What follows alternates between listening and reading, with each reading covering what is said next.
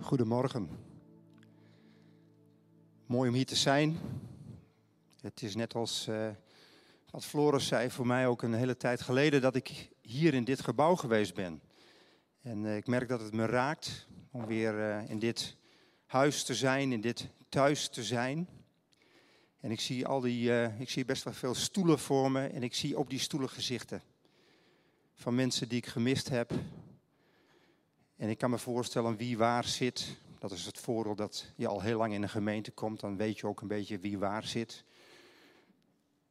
En ik uh, merk dat het goed is om hier weer te zijn. En ik mag jullie uh, voorgaan in, een, in de overdenking. En ik wil graag beginnen met een kort gebed. Vader in de hemel, ik dank u voor dit moment.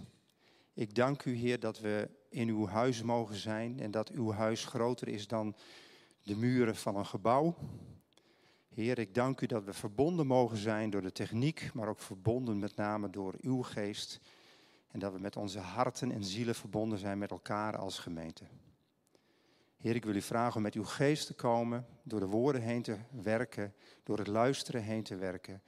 En geven dat, uh, ja, dat we er allemaal door opgebouwd mogen worden. In Jezus' naam. Amen. Goed. Mensen, het is uh, vakantietijd. En ondanks de bijzondere omstandigheden, uh, denk ik wel dat een aantal mensen op vakantie zijn geweest. Uh, misschien op dit moment op vakantie zijn. Dat is natuurlijk ook het voordeel van de techniek. Wellicht dat je vanaf je vakantieplek nu hier naar kijkt. Welkom.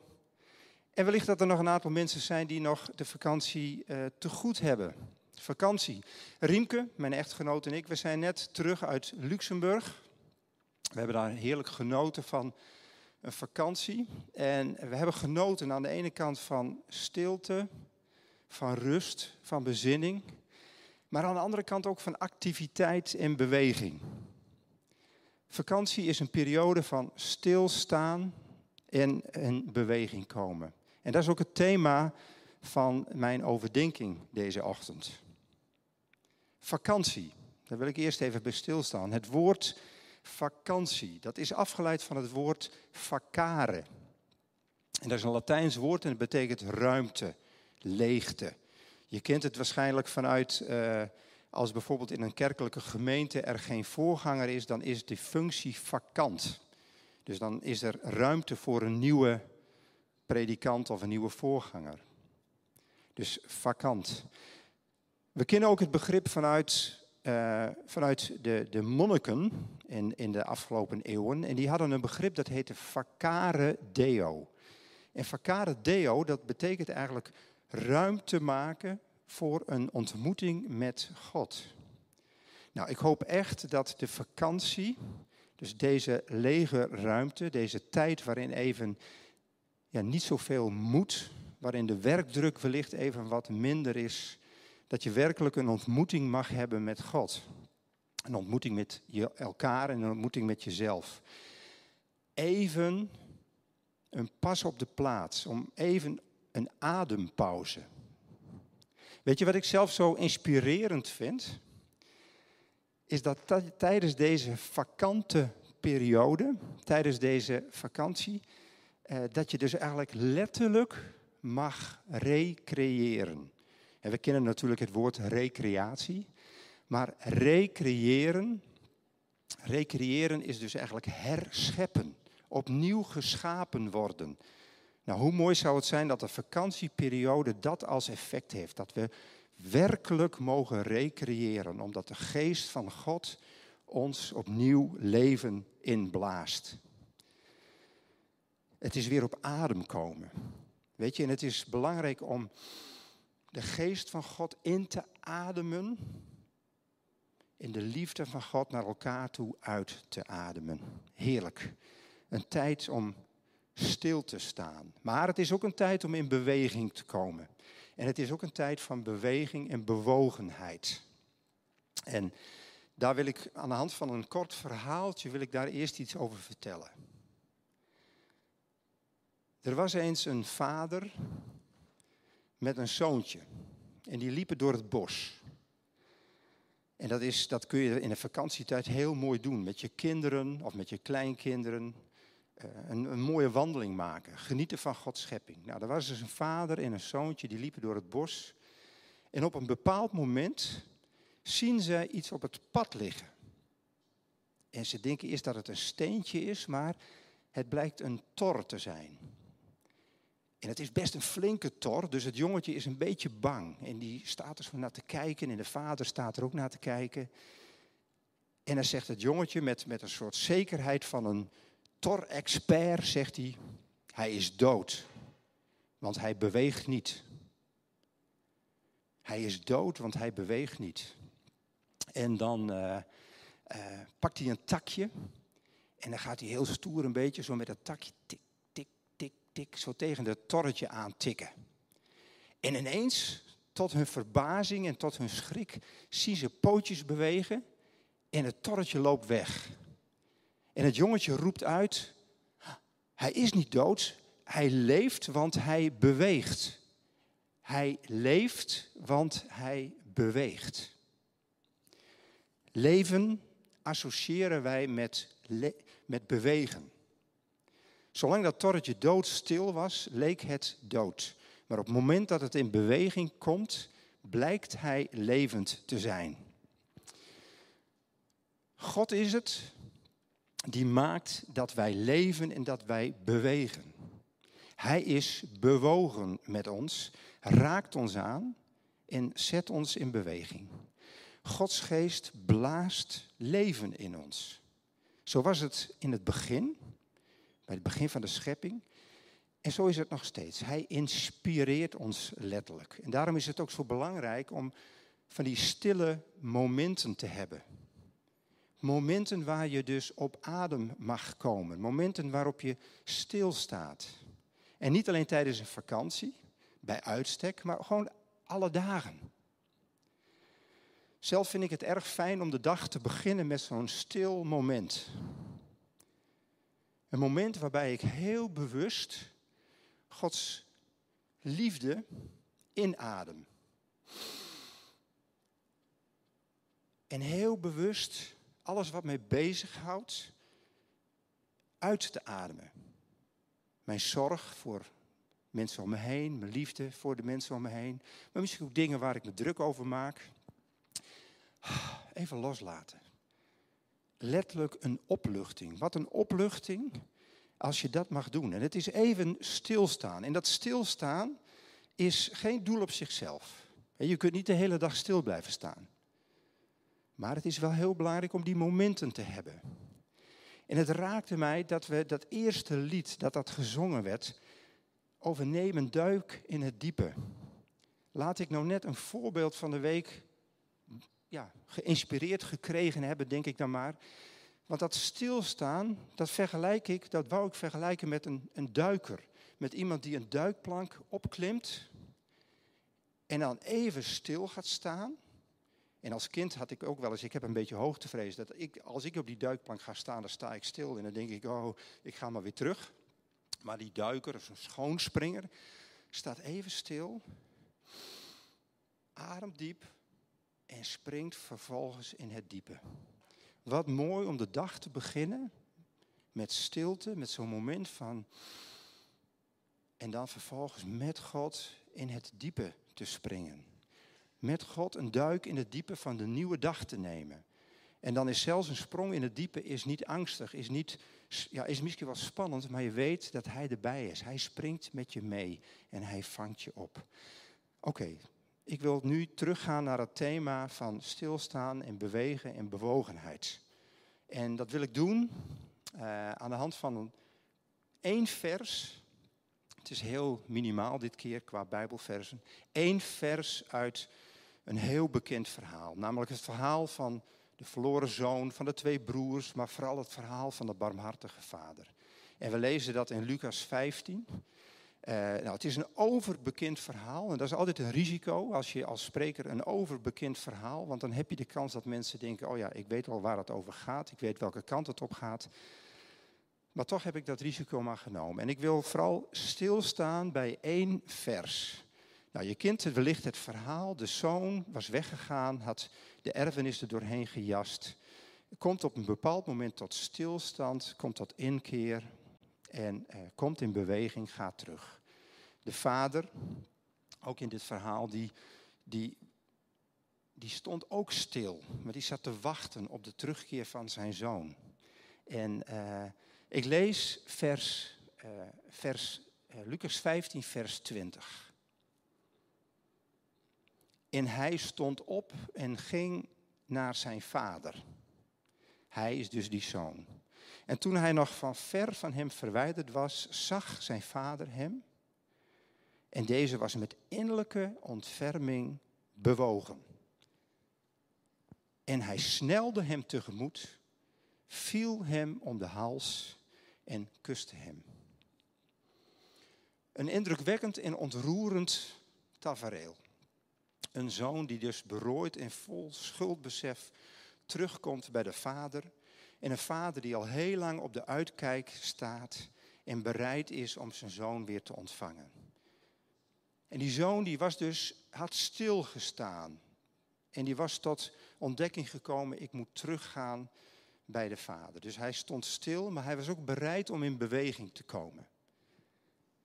En die eerste stap, die eerste beweging, zal heel moeilijk gevormd geweest zijn. En op het moment dat wij in beweging komen, kan dat heel moeilijk zijn. We hebben zo pas ook gehoord van Vedde en Aafke, die in beweging komen, die in beweging zijn gekomen omdat ze bewogen zijn. Maar dat is niet altijd makkelijk. Dat zijn moeilijke stappen. En die vader in dit verhaal stond ook al stil en die wachtte. En die wachtte en die was al op weg gegaan om te kijken of zijn zoon weer terugkwam. En het is belangrijk om dus stil te staan. Sta eens stil.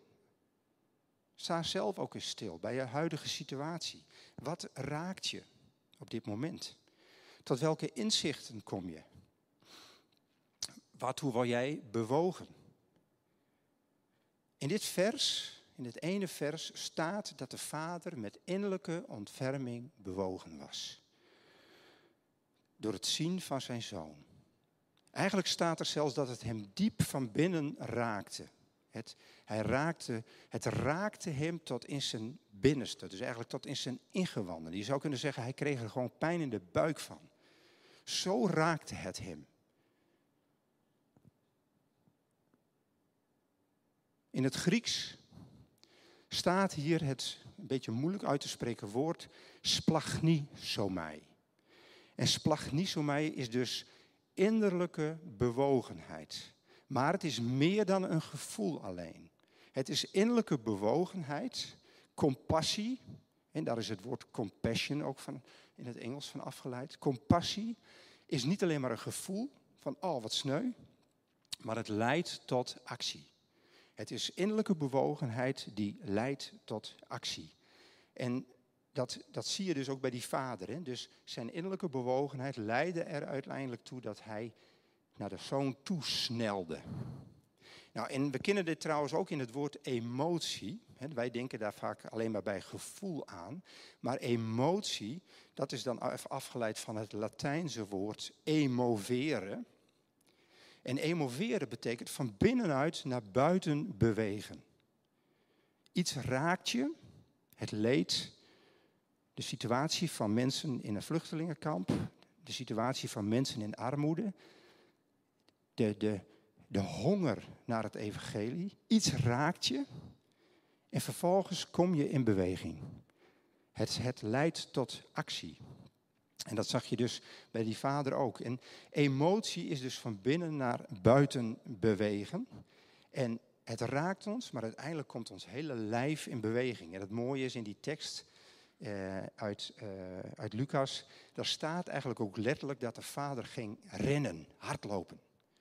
Nou, als muskatleet en als hardloper uh, mag het voor mij ook snel wandelen zijn, maar hardlopen, ik vind het mooi dat er eigenlijk staat van het gevoel leidde direct tot actie, tot beweging, tot bewogenheid.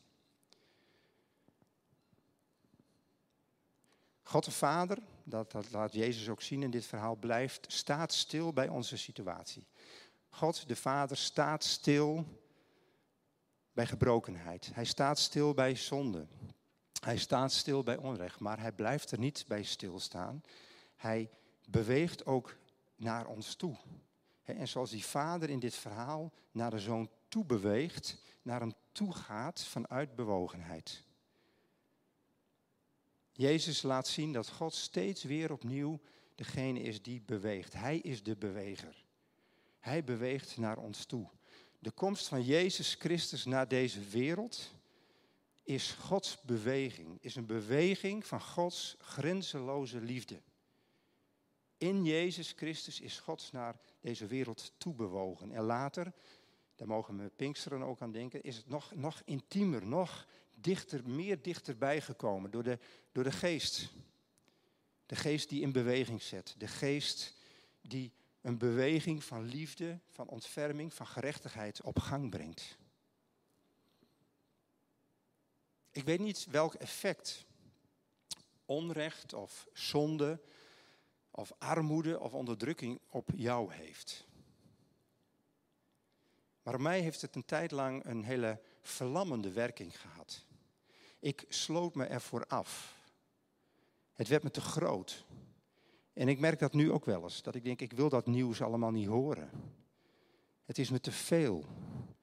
Maar ik heb een periode gehad dat, dat het leed van de wereld en het onrecht in de wereld, dat het mij zo verlamde dat ik er eigenlijk gewoon apathisch van werd. Dat ik er zelfs depri van werd. En dat ik eigenlijk helemaal tot stilstand kwam. En dat ik eigenlijk, nou als ik me wel bewoog, dan was het een beweging de andere kant op. Wegvluchten. Weg van de ellende, weg van het onrecht, weg van, van de nood. En als een soort, zoals dat torretje, werd ik doodstil. Of eigenlijk een beter beeld zou kunnen zijn als een schildpad, trok ik me terug in mijn schild. En ik veranderde als het ware in een steen. En soms is het goed hoor. Soms is het goed om je even af te schermen. Soms is het goed om even te schuilen. Daar is niks mis mee. Maar als het structureel wordt, als je je eigenlijk altijd verschuilt en altijd wegloopt voor datgene wat je raakt, want dat is het ten diepste. Op het moment dat, je geraakt, dat ik geraakt werd, liep ik ervoor weg. En trok ik mij terug achter muren van apathie of cynisme, of zelfs van onverschilligheid. Maar op een bepaald moment was het alsof er iemand tegen de muren van mijn hart begon te tikken. Tik, tik, tik.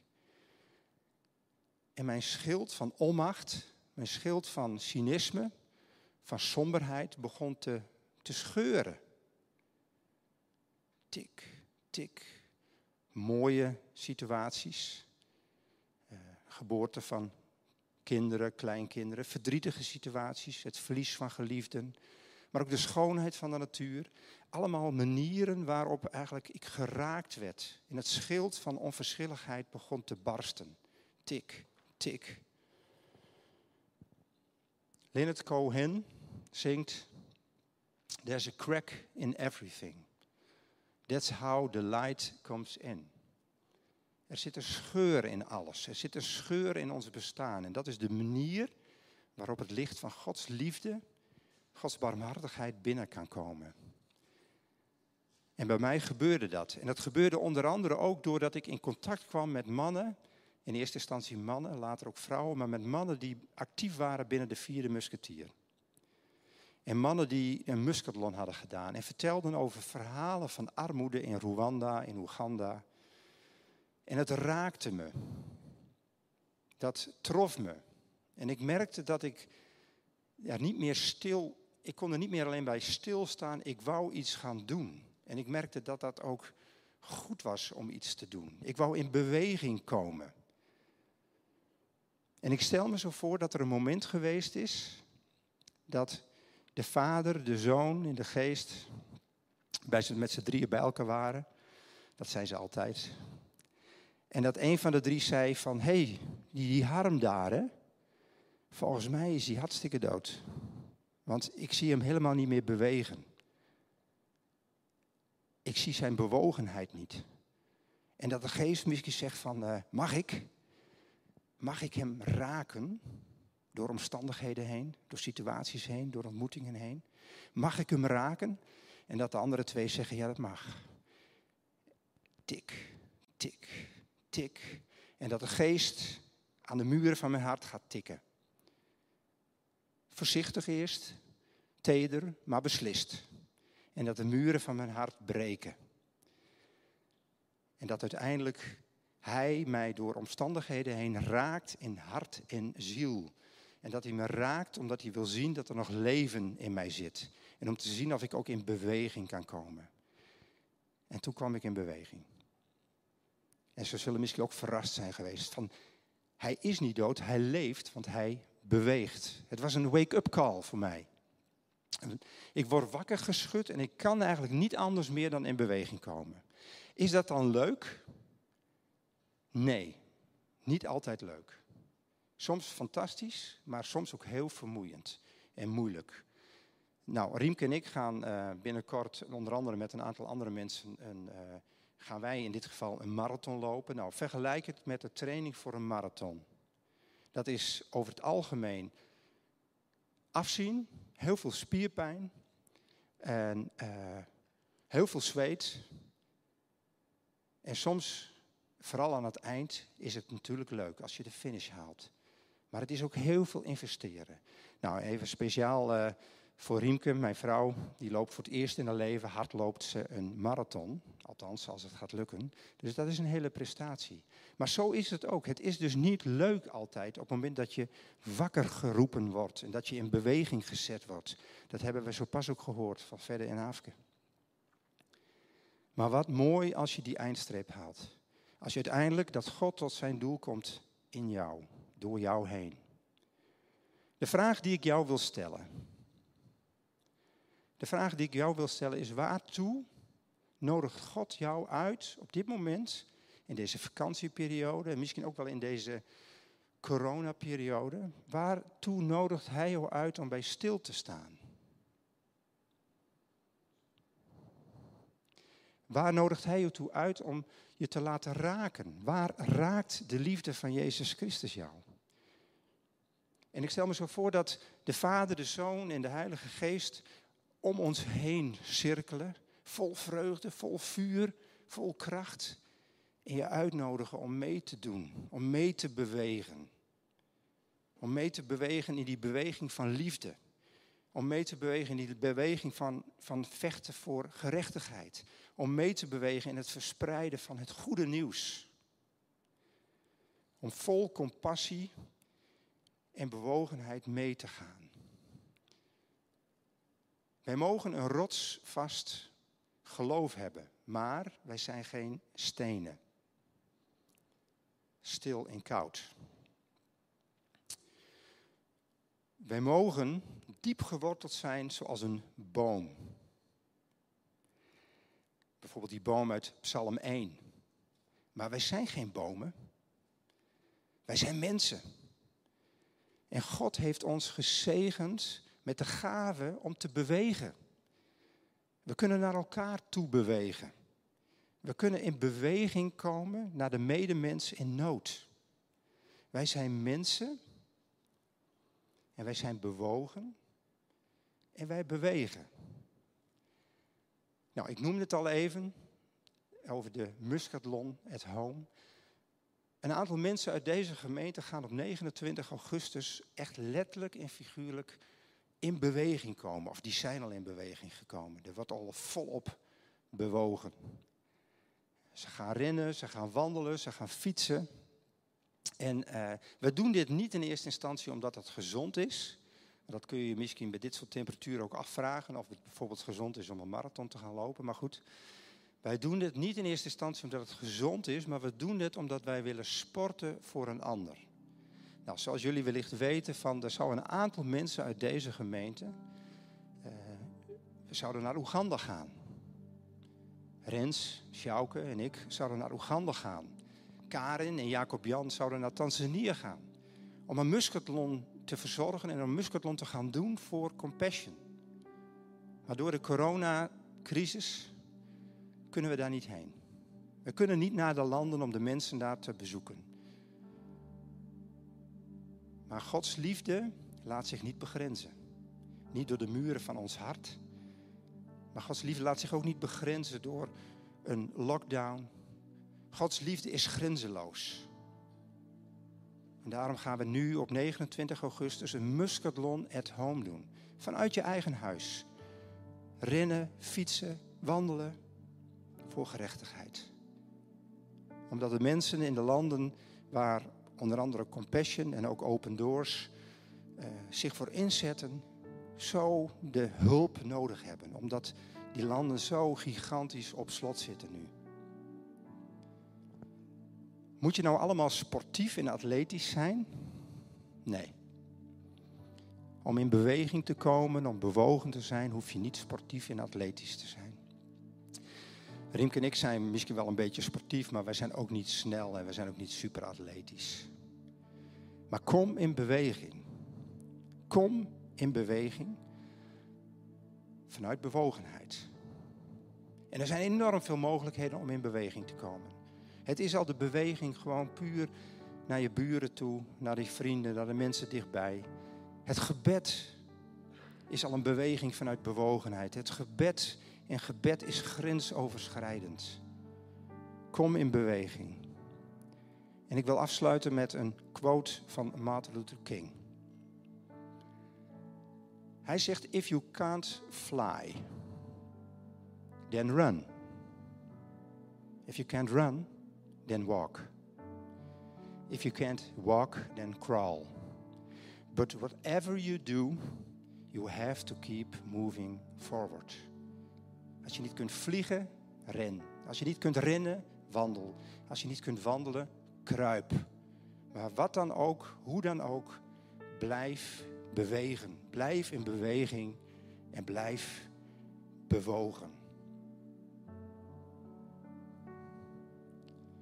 Ik wil afsluiten met gebed. En ik wil in dit gebed jullie ook thuis vragen om in beweging te komen. En misschien is het vandaag een beetje warm, dus dat je denkt van nou Harm, liever niet. Maar kom in beweging, vanuit je bewogenheid. En ik wil je in eerste instantie vragen om stil te staan. Weet je, en ik zou het liefst nu gewoon hier te plekken met jullie willen bidden. Maar dat kan niet. Maar ik kan wel bidden voor jullie.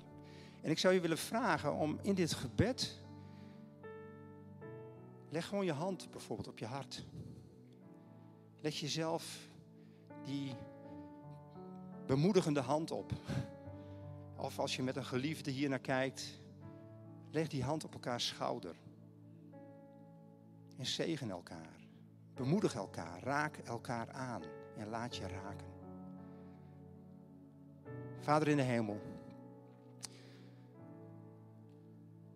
Dank u dat u de beweger bent. Dat u de bewogenheid zelf bent, Heer. En dat alles wat we ook doen, dat het een reactie is op uw liefde. Op uw bewogen liefde. Heer, dat we mogen weten dat u met innerlijke ontferming bewogen bent. En dat uw bewogenheid, uw beweging vanuit de hemel naar de aarde toe zo zichtbaar geworden is in uw lieve zoon Jezus. Die bewoog tussen de mensen, die mensen aanraakte, die mensen bemoedigde. En we danken u ook dat u ook beweegt door de geest. Dank u, Heilige Geest van God, dat u van binnenuit, vanuit ons hart en vanuit onze ziel, ons in beweging wil zetten. Voor de mensen thuis wil ik ja, je vragen om gewoon nu op dit moment stil te staan en te beseffen van ja, wat, wat raakt mij? Waardoor word ik bewogen? En waartoe kan ik me bewegen? Waartoe kan ik in actie komen? Wat mag ik gaan doen? Heel dichtbij, maar misschien ook verderaf. En ik wil je vragen om uh, ja, daarin ook, ook voor jezelf ook stappen te zetten. En die zullen soms moeilijk gaan. Zoals die zoon die terugging naar zijn vader. Maar de stappen zullen soms ook intensief zijn, zoals het trainen voor een marathon. Maar die stappen zullen goed zijn, want je gaat op pad God. Zo wil ik jullie zegenen, ook voor deze komende zondag en de komende week. Wees gezegend en uh, ja, heb het goed. Amen.